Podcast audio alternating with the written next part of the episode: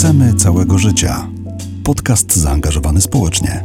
Zaprasza Joanna Keller. Witam serdecznie w dzisiejszym odcinku podcastu. Dzisiaj moją gościnią jest aktywistka związana z grupą Radicals. Cześć Asiu. Dzień dobry, cześć Asiu, witam serdecznie. Dziękuję Ci, że przyjęłaś moje zaproszenie. Powiedz, czym jest Radicals i jaka idea stoi za Waszym manifestem? Radicals jest e, ruchem społecznym. Jest ruchem społecznym, w ramach którego tworzymy i projektujemy narzędzia, które umożliwiają e, właśnie takie stopniowe odrywanie się od systemu. Narzędzia, ale też e, bardzo duży nacisk kładziony jest na edukację. Edukację, która poszerza świadomość. Stawiasz tezę, że kryzys, który teraz przechodzimy, jest przede wszystkim kryzysem naszej świadomości. Jakbyś mogła wyjaśnić, e, co masz na myśli i jakie są główne idee manifestu. Manifest właśnie był takim zakreśleniem e, tego, co się dzieje i takim właśnie głębszym wejściem i pokazaniem, że ta świadomość, czyli my, to w jaki sposób postrzegamy świat, w jaki sposób nim funkcjonujemy, jest właśnie źródłem tak naprawdę wszystkiego, źródłem tego, w jaki sposób funkcjonuje rzeczywistość i, e, i w jaki sposób została zaprojektowana, bo im człowiek jest bardziej świadomy, im dostrzega więcej, czuje więcej, widzi więcej, tym działa w takiej właśnie większej harmonii, miłości, równowadze, e, takiej, w takim strumieniu nieposkromionej kreatywności i właśnie w Wypunktowałam też przed chwilą właśnie te wartości, które są, e, które są zawarte w tym manifestie, bo e, tutaj też chodziło na takie właśnie ukierunkowanie e, myślenia na te mm, takie dobre cechy, które w nas są, o których zapomnieliśmy. Właśnie przede wszystkim Czyli miłość. Jakie? Miłość, która jest e, taką największą mocą sprawczą, jest, e, przenosi góry, tworzy, buduje, e, współpraca, bo to jest też istotne, żeby bo zapomnieliśmy o tym, że, e, że to współpraca również też buduje. E, później jest równość, bo tak naprawdę w pierwszym momencie jesteśmy wszyscy ludźmi, wszyscy jesteśmy tacy sami. Kreatywność, gdyż jest to nasza taka właśnie mm, kosmiczna, nieskrępowana wielka moc, która właśnie e, również również przyczynia się do, do, do, tego, e, do tego procesu budowy. No i na koniec wiara. Wiara mhm. właśnie w to, że wierzymy, że ta zmiana nadejdzie, wierzymy w to, co robimy, e, bo wiara również przynosi góry. E, I to jest, i to jest taki to nawet nie tyle co budulec, tylko coś, co scala te wszystkie, wszystkie właśnie wartości. Czyli kryzys świadomości wynika z tego, że my się odcięliśmy od tych wartości? Odcięliśmy się chyba od sedna samego siebie, od tego, kim jesteśmy, jak funkcjonujemy, po co tu jesteśmy e, i za bardzo skupiliśmy się na tym, co jest fałszywe. Mhm. Za, e, Czyli na technologiach? E, technologiach między innymi. One są tutaj właśnie narzędziem, które to jeszcze bardzo mocno mm, nadaje temu skali.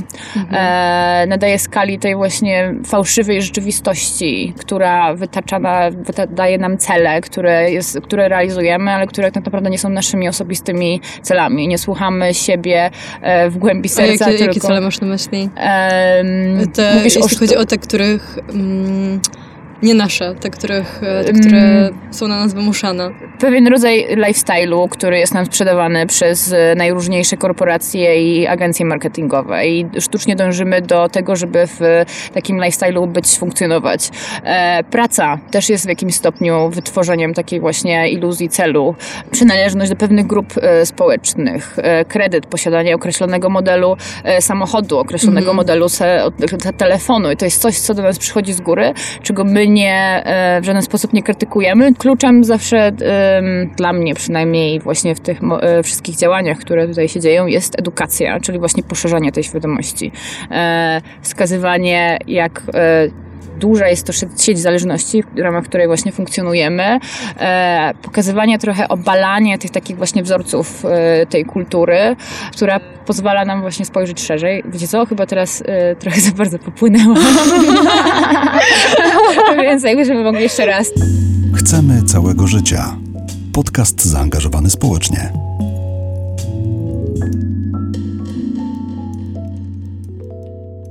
Zaprosiłam Cię też po to, żeby, żeby, żeby pokazać osobę, która stoi za tym projektem, więc to, że się dzielisz e, przemyśleniami jest e, spoko. Dobra, możemy wrócić do... E, bo co, zaczekaj, bo było pytanie a propos tego systemu. Tak, jak się od niego odsuwać i jak się z niego wyłamywać, żeby wracać do tych mm, wartości, o których zapominamy, kiedy kreujemy sobie te sztuczne mm, pragnienia, sztuczne lęki. E, przede wszystkim e, myśleć krytycznie i e, nie przyjmować wszystkiego, co do nas przychodzi, jako taki pewniak. Zastanawiać się, jaki był proces, który do tego doprowadził, że to jest tutaj, co za tym stało i po prostu pomyśleć, czy to rzeczywiście jest coś, co ja chcę, żeby funkcjonowało w mojej rzeczywistości, żeby było częścią mnie. E, I to jest właśnie klucz ku takiej właśnie trochę takiego powolnego przebudzania się. No i następnie edukacja właśnie. Kopanie głębiej, zastanawianie się, dochodzenie do faktów, e, jakoś tak właśnie burzenie tych wzorców, w ramach których funkcjonujemy, burzenie wzorców kulturowych, e, e, burzenie tego, co do nas przychodzi i jakoś tak właśnie mm, trochę takie ściągnięcie e, takiej zasłony. To się w ogóle Okej. nazywa apokalipsą, to, e, to oznacza właśnie zdjęcie zasłony, e, Okej. objawienie prawdy. I to Mhm. jest właśnie taki Czyli moment... dąż- dążysz do apokalipsy. Nie tyle, co dąży, ona już się dzieje, więc e, bardziej chcę... W jaki mm, sposób? Właśnie przez... E, Wiesz co, ta korona, jakby ten kontekst, w którym aktualnie się znajdujemy, mm, Mhm. koro, właśnie koronawirus, on trochę jednak e, tę osłonę pchnął, że tak powiem, i właśnie pchnął nas w, w stronę tej To apokalipsy. znaczy pokazał, co nie działa w państwie na przykład, no, tak? W Chociażby sensie, w państwie. że żyjemy tak naprawdę w państwie z kartonu, które ma niedofinansowaną opiekę zdrowotną, edukację i tak dalej. Tak, ujawniły się w pewnym, pewnym momencie po prostu wszystkie... E, No dobra, i ty uważasz, że wyciągnęliśmy z tego jakąś lekcję? e, Że kapitalizm wyciągnął jakąś e, lekcję z pandemii? I bardzo bym chciała powiedzieć, że tak. No właśnie ja mam ale- wrażenie, że totalnie nie. E, są, I nie wiem, czy się są, są przypadki, są, e, są indywidualne przypadki i to jest zawsze właśnie tak mi serce wtedy goreje, ale jednak e, patrząc na te masy, to mm, bo ludziom ciężko jest przyjąć zmianę. Ciężko jest się e, zaadoptować do zmiany i, i oni się po prostu boją. Automatycznie po koronie wracają do tego samego, bo nie są Mhm. sobie w stanie też wyobrazić e, Jakieś alternatywy. dokładnie. No tak, bo to by wymagało praktycznie em, trochę odwrócenia schematów, w których teraz e, działamy. dokładnie. W sensie wymyślenia po prostu nowych od e, początku, co by też było zag- zagrożeniem dla tego systemu. I chyba stąd właśnie e, problem z gospodarką, że to wszystko tak nagle ruszyło. Właśnie ruszyło, ale to chyba wynika po prostu z tej takiej chęci i strachu nad, nadrobienia strat, ale... e, Albo zastanowienia się nad tym, jak możemy żyć inaczej po prostu. No jakby, kurczę, no jest coraz więcej jest takich ludzi, którzy właśnie starają się żyć inaczej i jakby może nie skupiajmy się na tym, co poszło źle, tylko e, i co idzie źle, tylko może właśnie fajniej e, jest wyciągać te pozytywne właśnie takie inspiracje. No, e, poznałam ostatnio całą rodzinę, która mieszka w lesie właśnie w takich, są całkowicie odcięci, odpięci e, od sieci, żyją w domku, który jest, ma tam poniżej 65 metrów kwadratowych, więc nie potrzeba tam pozwolenia na budowę, sadzą sobie roślinki w ramach tam właśnie założeń permakultury, więc to wszystko Mhm. współgra e, i to jest niesamowite i to pokazuje, że się da, e, że się da, że istnieje ta alternatywa. Mhm. E, A to był jakiś nowy sposób na życie, przez, który powstał w wyniku koronawirusa? nie, on już, on już funkcjonował wcześniej, Okej. tylko że ten koronawirus jakby nawet, oni tego nawet nie zauważyli. A jaki Radicals ma stosunek do technologii? e, bardzo krytyczny. E, znaczy ja e, całym sercem e, długo pracowałam e, właśnie w takim środowisku technologicznym, blisko technologii i e, to jest niesamowite narzędzie i naprawdę e, może nam bardzo dużo umożliwić, już umożliwiło, ale jednak ten taki nasze bez, brak krytyki wobec tego nieustającego wzrostu jest bardzo niepokojący, e, szczególnie właśnie w takim kontekście, ujęciu ekologicznym, e, bo my tak bardzo się zachłysnęliśmy digitalem, e, całym cyberświatem i zaczęliśmy go traktować właśnie jako taki bardziej ekologiczny odpowiednik, bardziej coś, co jest gdzieś tam, czego nie ma, co jest w chmurze, więc nikt nie jest w stanie sobie tego zwizualizować fizycznie, że zapomnieliśmy, że tak naprawdę jest to ogromna infrastruktura, która coraz bardziej nas zjada od dołu praktycznie, zjada po prostu nasze zasoby, nasze surowce, generuje bardzo dużo CO2, więc, e, więc e, to jest taki, mm, nawet nie wiem jak to nazwać, taki trochę potwór, który z tyłu gdzieś tam czyha i, e, i, i po prostu i rośnie na naszej niewiedzy. Jak mądrze korzystać z technologii, żeby nie śmiecić i na czym polega korzystanie z sieci w sposób eko. Cały ten obszar i w ogóle taka tematyka niestety dopiero rośnie, jakby rośnie świadomość, yy, więc yy, mało jest jakichś takich typowych yy, narzędzi, które mają dużą skalę, więc to, co mogę Wam zaproponować, to są takie rozwiązania szczątkowe. Na przykład jakby zaczynając od skrzynki mailowej. Dostajecie strasznie dużo e-maili, których tam e, współczynnik otwarcia chyba w 2019 roku wynosił 14%, więc oznacza to, że cała reszta, która jest na Waszej skrzynce jest śmieciem, który potrzebuje energii, infrastruktury, on jest przechowywany na serwerach, e, te serwery potrzebują energii, te serwery muszą się chłodzić, więc wykorzystywana jest do tego woda, e, do tego one emitują bardzo dużo ciepła i to jest coś, co jest po prostu zawieszone. I na przykład możecie sobie w swoją skrzynkę wyczyścić e, taką aplikacją Clean Fox, e, ze wszystkich wypisać się ze wszystkich newsletterów i wy, wyczyścić się z, z tych spamów. Jeśli chodzi o Facebooka, to szczerze mówiąc to polecam po prostu czyścić swoje logi, czyli wasze wszystkie aktywności, bo się okazuje, że e, ja ostatnio sama przeszłam przez proces czyszczenia Facebooka. Jakieś zdjęcia z imprezy z 2012 roku to jest taki wstyd, że naprawdę e, tego tam nie powinno być. E, I nagle się orientujesz, że po prostu traktujesz Facebook jako po prostu i swój album, i komunikator, i wszystko i zaczynasz po prostu e, się wynosić. Jest taka przeglądarka, jeżeli chcecie znaleźć alternatywy dla Google, nazywa się kozia.org e, i wsadzi drzewka za wyszukiwania. Jeszcze co można, jest, jest też taka e, nakładka na przeglądarkę w Chromie, nazywa się Carbon Analyzer. Generalnie analizuje ilość dwutlenku węgla, która została wytworzona w trakcie waszej konsumpcji internetu, więc można mieć taką właśnie świadomość tego, które strony są bardziej emisyjne, mniej emisyjne i co można z tym zrobić, czy ja rzeczywiście tam muszę spędzić tyle czasu. Chcemy całego życia. Podcast zaangażowany społecznie.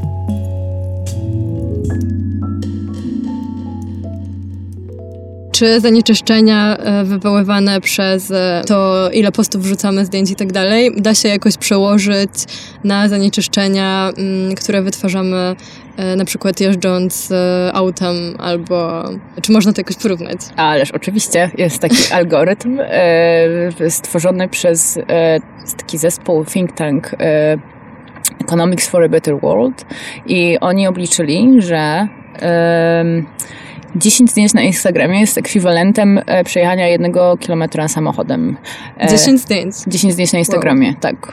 E, więc jakby biorąc pod uwagę właśnie i prąd, i to jakby całą infrastrukturę, systemowo 10 fotek na 10 selfie równa się 1 kilometr samochodem. A jakie rozwiązania przyczyniają się do zmniejszenia użycia tej energii. Generalnie w ogóle też y, wielkość zdjęć, które, które wrzucamy. Mhm. Wielkość, jakość, czy jest to wideo, czy jest to w ogóle zdjęcie. Wideo w ogóle same w sobie. Też jest taki fajny raport, to możemy podrzucić w linkach później. E, właśnie na temat wpływu wideo na e, właśnie na jaki wideo ma ze sobą, niesie ze sobą konsumpcję energii. I to jest właśnie najbardziej e, wyczerpująca i najbardziej szeroka forma zapisu danych. 10, mhm. y, 10 godzin wideo na YouTubie takiej wysokiej jakości można przyrównać do wszystkich tekstów tekstów na Wikipedii e, w języku angielskim, więc jakby widzicie wow. skalę. Czyli tak e, naprawdę bycie youtuberem jest nieekologiczne. Bardzo. E, mimo tego, że YouTube oni przeszli na serwery zasilane energią odnawialną, ale niestety no to jest kropla w w całym morzu problemów. Mhm. A jeśli chodzi o na przykład Proton Mail, z Protona korzystam. E, on niestety nie jest jeszcze zasilany zieloną energią, ale jest e, bardzo dobrze, e, jeśli tu chodzi o bezpieczeństwo, więc chciałam maile trzymać w pewnym miejscu i one są po prostu, serwery są przechowywane w Szwajcarii, tam obowiązuje oddzielne prawo, więc bardzo ciężko jest się po prostu dostać na tę Boże, skrzynkę. wszystko brzmi tak nie do wyobrażenia i nie miałam pojęcia, że wrzucanie kontentu do internetu generuje w rzeczywistości takie zużycie na przykład wody. Właśnie to jest o tym, że nie jesteśmy świadomi, nie nauczyliśmy się w szkole myśleć krytycznie, systemowo i przez to jakby mamy tylko taki właśnie wierzchołek góry w postaci fotki na Instagramie, która dostaje lajki, jakby i ten trafik się zwiększa, więc my tam wchodzimy częściej, dostajemy powiadomienia, dostajemy lajka pod swoim selfie, więc czujemy się lepiej, czujemy się dobrze ze sobą i to jest po prostu jedna ogromna machina, która coraz bardziej się na nas tak zaciska i wysysa z nas po prostu od środka energię, czas, e, naszą uwagę, naszą energię, kreatywność i nasze skupienie. A jeśli miałabyś stworzyć taki podręcznik eko użytkownika sieci, to co by tam się zawarło? Poza, poza, tymi, poza tym korzystaniem ze stron, które są oparte na zielonej energii. Dobrze tak, mówię? i są też zaprojektowane w założeniach mniej emisyjnych. Wiecie co? W pierwszej kolejności to bym odcięła internet od e, komórki. Naprawdę, Mhm. bo cała infrastruktura sieci 5G właśnie polega na tym, żeby nam zapewnić właśnie połączenie w, e, jakby w mobilu, nie? Jakby to wszystko jest już na kablu. Te kabli, e, które nam, e, 96% internetu przychodzi do nas mm, właśnie kablowo. Te kable są e, pociągnięte na dnie oceanu. Można byłoby by chyba 9 razy obkrążyć nimi Ziemię. Jest ich tak dużo. Jesteśmy praktycznie całe Wow. połączeni. Jakby już ta infrastruktura jest, więc nie kombinujmy i e, zacznijmy traktować sieci jako narzędzie, praca, komunikacja, ale e, nie dajmy sobie go przykleić do, do dłoni. I rzeczywiście jakby wtedy nie ma się jak trakować, nie ma jak zbierać danych na twój temat i to naprawdę rzeczywiście działa, a jeżeli już musimy z niego korzystać, oczywiście bo wszyscy musimy, bo żyjemy w takich czasach, że nie da się żyć bez internetu, to e, korzystając z sieci właśnie, a przerzucić się na tę przeglądarkę, kozję, Słyszałam o takiej technice zaciemniania, ta, o, która polega właśnie, na sianiu tak. dezinformacji w sieci i na przykład oznaczaniu się, tak jak ja to rozumiem, nie wiem Mhm. czy dobrze, um, o wrzucaniu na przykład jakiegoś zdjęcia, którym chcemy się podzielić, ale wrzucania um, fałszywej lokalizacji. Tak? Tylko, wiesz co, ja bym bardziej nawet, nawet nie wrzucała tej fałszywej lokalizacji, tylko wyłączyła sobie spisywanie metadanych w telefonie, czyli tych takich danych zapisywanych na pliku, czyli jak lokalizacja, miejsce, godzina. Aha. Dzięki temu ten plik też jest e, lżejszy i nie udostępniamy tych informacji dalej w sieci.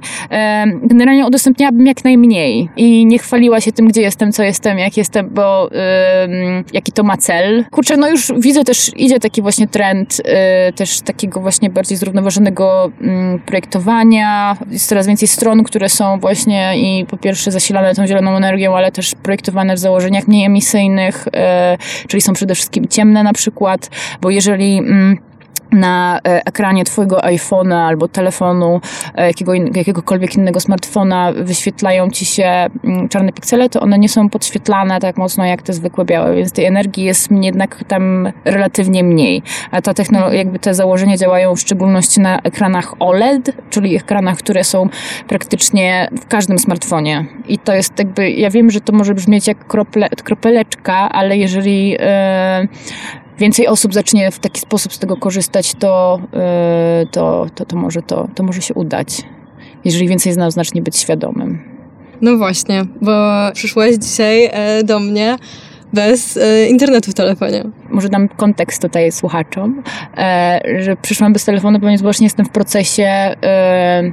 Ja to nazwałam down- downgrade'em, czyli po prostu przechodzeniem ze smartfonu i właśnie takiego stopniowego odłączania się i mam taką Nokię, e, bardzo podstawową ze Snake'iem e, i, e, i próbuję się odzwyczaić od, od, e, od tego, że zawsze jak gdzieś idę, to muszę sobie to z sprawdzić na Google Maps, a później z tym Google Maps idę przyklejona nosem, bo przecież sama nie wiem, gdzie iść i, e, i, i po No prostu jak się to czuję wpływa na zagubiona. twoje życie? To, że odcinasz się od, e, Super. od korzystania z internetu i takiego ciągłego zatopienia w, To w jest, tym dostępie e, do niego. to jest wspaniałe. E, W sensie naprawdę to jest, e, na początku był wielki lęk i strach, jak to ja sobie poradzę, ale tak na przykład, no nie wiem, wycieczkę do ciebie dzisiaj zaplanowałam sobie wcześniej, sprawdziłam na mapie, zapisałam numer telefonu w notatniczku, adres. E, Po drodze, żeby się upewnić, że dobrze idę, zagadałam, spotkałam znajomego, ale zagadałam jeszcze później dwóch panów, którzy w ogóle tutaj, wiecie, elegancka rozmowa i w ogóle to było strasznie przyjemne i to było takie bardzo otwierające się Mhm. i, i to też wydaje mi się, że właśnie przez to takie przyklejenie się, ludziom brakuje rozmowy i interakcji e, i jakby i zapominamy o tym, co jest dookoła, a to jest naprawdę fajne. Chcemy całego życia. Podcast zaangażowany społecznie.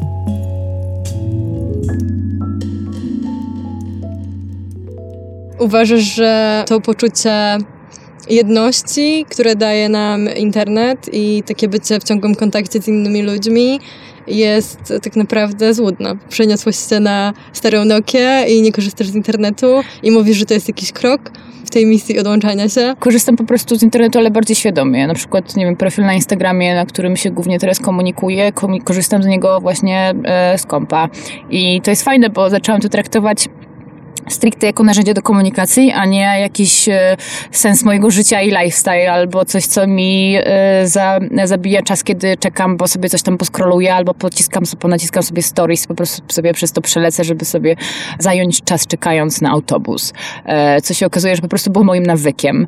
Więc to jest takie odłączanie i odłączanie się, jakby przestałam kupować ubrania, korzystam właśnie z rzeczy, rozwiązań, które są już dostępne i tak próbuję się coraz bardziej być samodzielna i mhm. móc wpływać na, na, na swoje podejmowane, podejmowane decyzje. Mhm. Jakbyś miała opisać przestrzeń miejską, która byłaby przyjazna dla człowieka, jakoś zgodna też z ideą twojego manifestu, Wiesz to co? jakby musiało wyglądać takie... Ja bym chyba nie była w stanie jej opisać, bo yy, wydaje mi się, że ta wizja powinna zostać wypracowana przez jak największą liczbę osób, że ona powinna być zdemokratyzowana.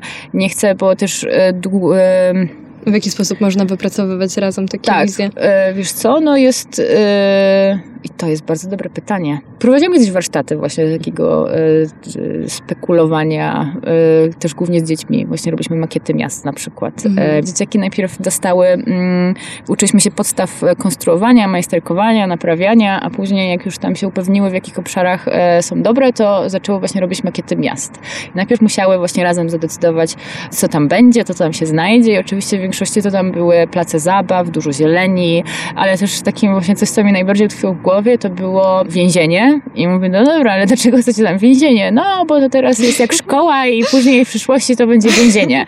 To też właśnie bardzo fajnie pokazuje jakby jakie, jak postrzegasz rzeczywistość, jak sobie to dalej wyobrażasz, więc dlatego wydaje mi się, że nie chcę tego e, tutaj e, zarysowywać żadnej wizji, bo ta wizja powinna zostać wypracowana wspólnie. Okej, okay, a co na przykład było, co jakoś cię zachwyciło w jakimś projekcie przyszłości stworzonym stworzonym przez dziecko. To akurat może nie dzieci, ale to byli akurat studenci i oni byli, to byli studenci w, z takiej akademii w Johannesburgu. Tam jest e, zjazd całych e, dzieciaków z całej Afryki, więc bardzo fajny miks takiego właśnie e, całoafrykański i e, właśnie tam robiłam dla nich warsztaty i tam jeden, a propos takiego właśnie myślenia przyszłościowego, tworzenia jakiejś wizji, e, jeden chłopak, wyobraźcie sobie, on e, chciał opracować taki rodzaj e, gatunku drzewa, które sprawi, że w momencie jak ono się pali, będzie mogło straszać komary, które zarażają w jego rejonie, w którym żyje malarią, nie? Jakby i takie właśnie bardzo progresywne i bardzo też odpowiedzialne myślenie. I to chyba był taki moment, że może to nie był sam jakby koncept, tylko ten sposób myślenia takiego odpowiedzialnego i takiego empatycznego. Dlatego uważam, że w dzieciach jest bardzo dużo e, potencjału i obecny system edukacji to zaniedbuje. Mhm. Bardzo. Jak pobudzać w ogóle w sobie kreatywność? Nie bać się i prototypować.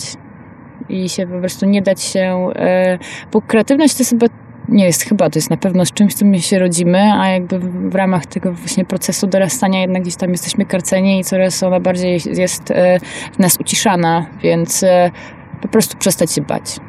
No dobra, ale co jeszcze, bo zastanawiam się, jak wrócę z takim poczuciem z tej rozmowy, że dobra, fajnie, fajnie by było uwolnić jakoś swoją kreatywność i pozbywam się lęku i co teraz? I zaczynasz tworzyć, zaczynasz e, patrzeć na rzeczy, które najbardziej do ciebie przemawiają, czy są to, nie wiem, e, kredki, wiertarka, czy kurcze farbki, jakby mm -hmm. cokolwiek, e, ale wiesz, kreatywność nie musi się przejawiać tylko w takim fizycznym tworzeniu, ale też w myśleniu, w postrzeganiu, w, możesz zrobić muzykę, możesz wszystko, właśnie to o to mhm. chodzi, żeby się tak żeby to nas puściło, a co nas trzyma to są właśnie lęki i strachy, bo strach jest najmocniejszym ewolucyjnie. Mhm. No i też aplikacje, tak. które są w momencie, kiedy pojawia się jakieś, jakieś okno, jakaś przestrzeń, w której moglibyśmy coś zrobić, albo zastanowić się, to zazwyczaj sięgamy wtedy po telefon. Dokładnie, bo to jest nawyk, bo większość yy, tego, w jaki sposób funkcjonujemy, jak w sposób schodzimy w interakcję z technologiami, jest właśnie zbudowane na nawyku. To y, przebicie go jest, jest, jest kluczowe, bo wtedy ma się więcej czasu. No ja, ja mam tak dużo czasu teraz, y, nie mając telefonu, bez internetu. To jest niesamowite. Opłaca się. I jeszcze co jest... Y, w, Ale odkrywasz, no? W kontekście w ogóle tego, co się opłaca, sprzedałam swój stary telefon, swojego starego iPhone'a i się okazuje, że to po prostu to, tam można naprawdę grube klocki na to zbić. I to jest naprawdę jakby polecam wysprzedawanie w ogóle starej elektroniki. To jest niesamowite, jak e, mamy po prostu złogi telefonów w szufladach, nie wiemy co z nimi zrobić, a można na tym po prostu elegancko zarobić. Słyszałam twój wykład, w którym mm, mówisz o chipie, który się umieszcza w podpasce i ona jest w stanie wykryć chorobę w jakimś wczesnym stadium. Stworzony przez Polkę koncept, co tylko świadczy o tym, że naprawdę to jest u nas bardzo duży potencjał intelektualny który zakładał właśnie to, że y, my jako kobiety mamy korzyść z tego, że e, krwawimy co miesiąc, bo możemy tę krew badać i dzięki temu e, jakby wcześniej reagować na jakiekolwiek choroby e, wykryte i to jest super. I to jest super. Także to są właśnie takie, jestem fanką technologii, która jest, która służy człowiekowi, która mhm. służy, realizuje nasze potrzeby, rozwiązuje nasze problemy i jednocześnie pomaga nam właśnie takiej e, symbiozie w życiu e, z naturą. Bo u źródła wszystkiego leży energia, a ta energia z tego z czegoś trzeba jednak czerpać i czerpaliśmy z węgla, teraz przechodzimy na słońce, a jednak tą kolejną taką naprawdę grubą rewolucją e, będzie, będzie wodór, bo niestety energia czerpana ze słońca jest e, niesie za sobą bardzo dużą infrastrukturę, panele, duże zmiany prawne i yy, za bardzo mi się tutaj do tego przykleił konsumpcjonizm, a jednak wodór pozwala na taką większą, yy, większą, jeszcze większą niezależność. Został podpisany niedawno taki traktat, porozumienie yy, właśnie a propos energii wodorowej tutaj u nas w Polsce, więc ja wam mówię, będzie dobrze. Będziemy po prostu pierwszym krajem na świecie zasilanym wodorem i będziemy całkowicie niezależni, będzie nam dobrze i, i przestaniemy wydobywać wydobywać węgiel. Chcemy całego życia. Podcast zaangażowany społecznie.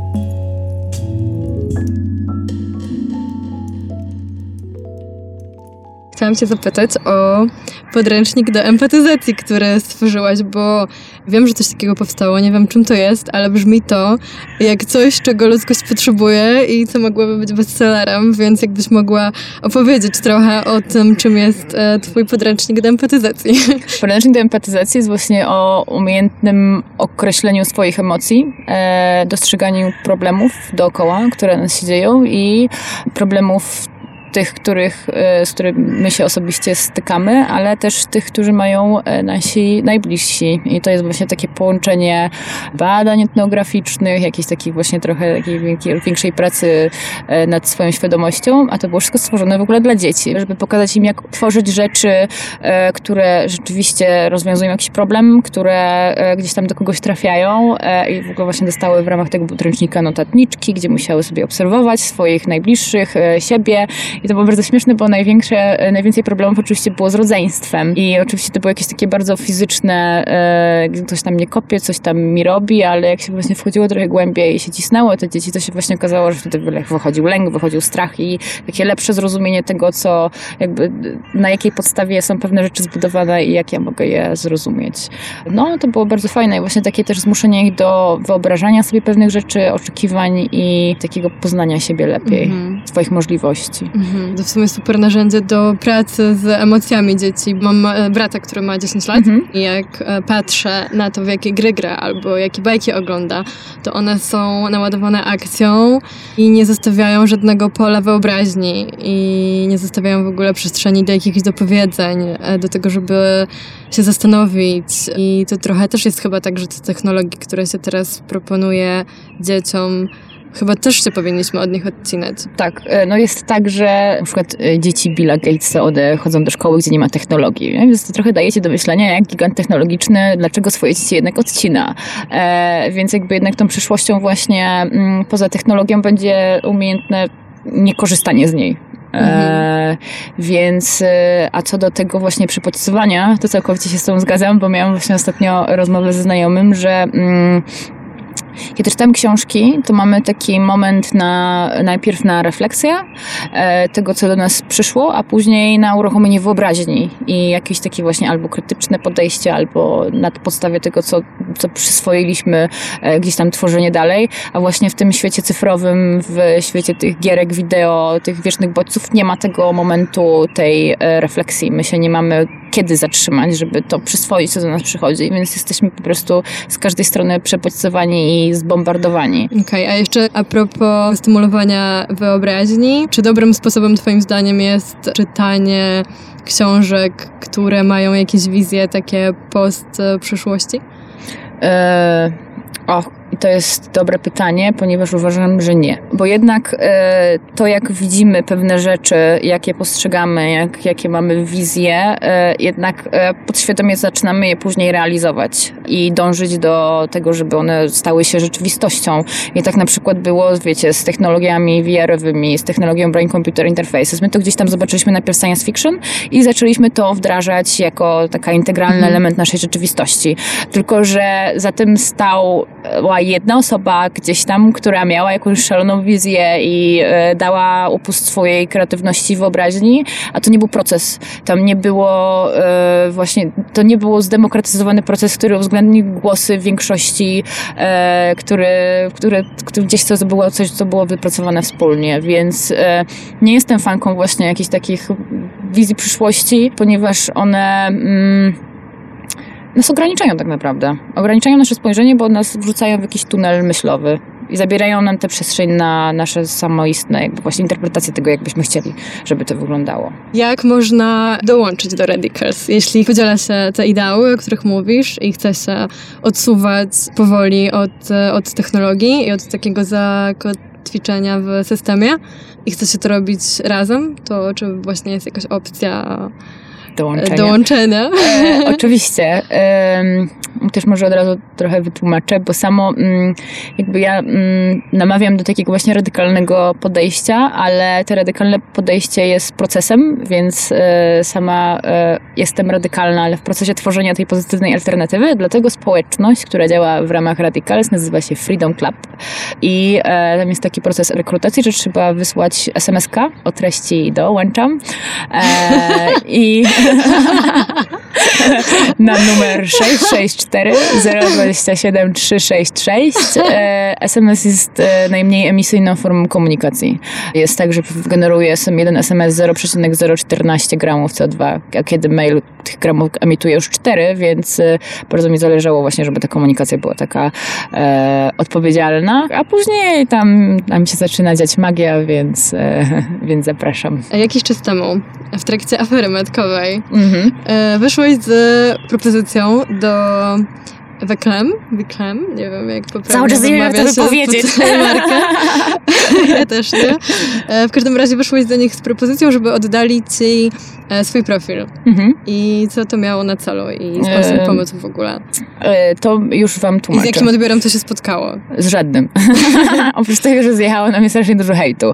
Po pierwsze tak, a, chciałam trochę zwrócić uwagę, e, zmienić formę postrzegania Instagramu właśnie nie jako sposobu na życie, tylko narzędzia, że jest to po prostu tylko i wyłącznie narzędzie do komunikacji. B, to jest jednak uderzenie w pewną kulturę, kulturę konsumpcjonizmu, która wrzuca jakby nas właśnie w ten takie, wrzuca nas te sztuczne cele chęci posiadania czegoś, e, czego tak naprawdę nie potrzebujemy, więc chciałam trochę właśnie z, bardzo mocno uderzyć w pewien jakiś taki e, wzór i format kultury i trochę go e, tak potrząsnąć i zredefiniować i pokazać, że może jednak takie duże zasięgi i taka jakby moc wpływania na ludzi powinna zostać wykorzystana właśnie A na cele edukacyjne, B do szerzenia czegoś, co pozwala się chociażby, nie wiem, z takiego konsumpcjonizmu e, wydostać i się e, od niego po prostu odzwyczaić, bo to te- też jest nawyk.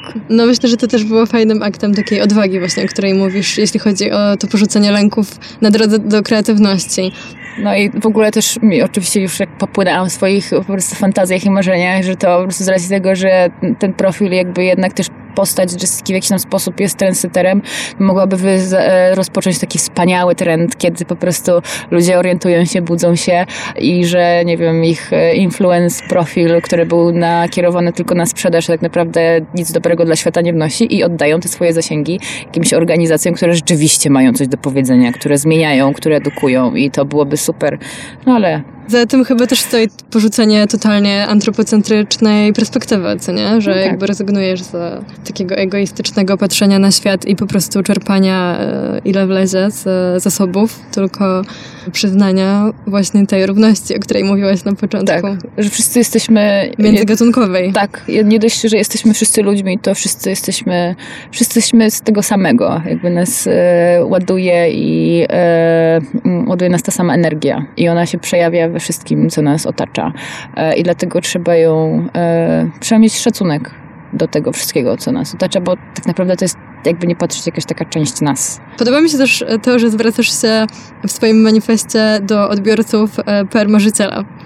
To jest takie zachęcenie do marzenia, do tego, żeby nie bać się marzyć i żeby nie bać się sięgać po to, co nam się wydaje, że jest niemożliwe, bo jak śpiewała Majka Jerzowska, marzenia się spełniają. Marzenia się spełniają. mocno wie, wiesz. Ściskaj kciuki co sił, a oczy zamknij też. Chcemy całego życia. Podcast zaangażowany społecznie.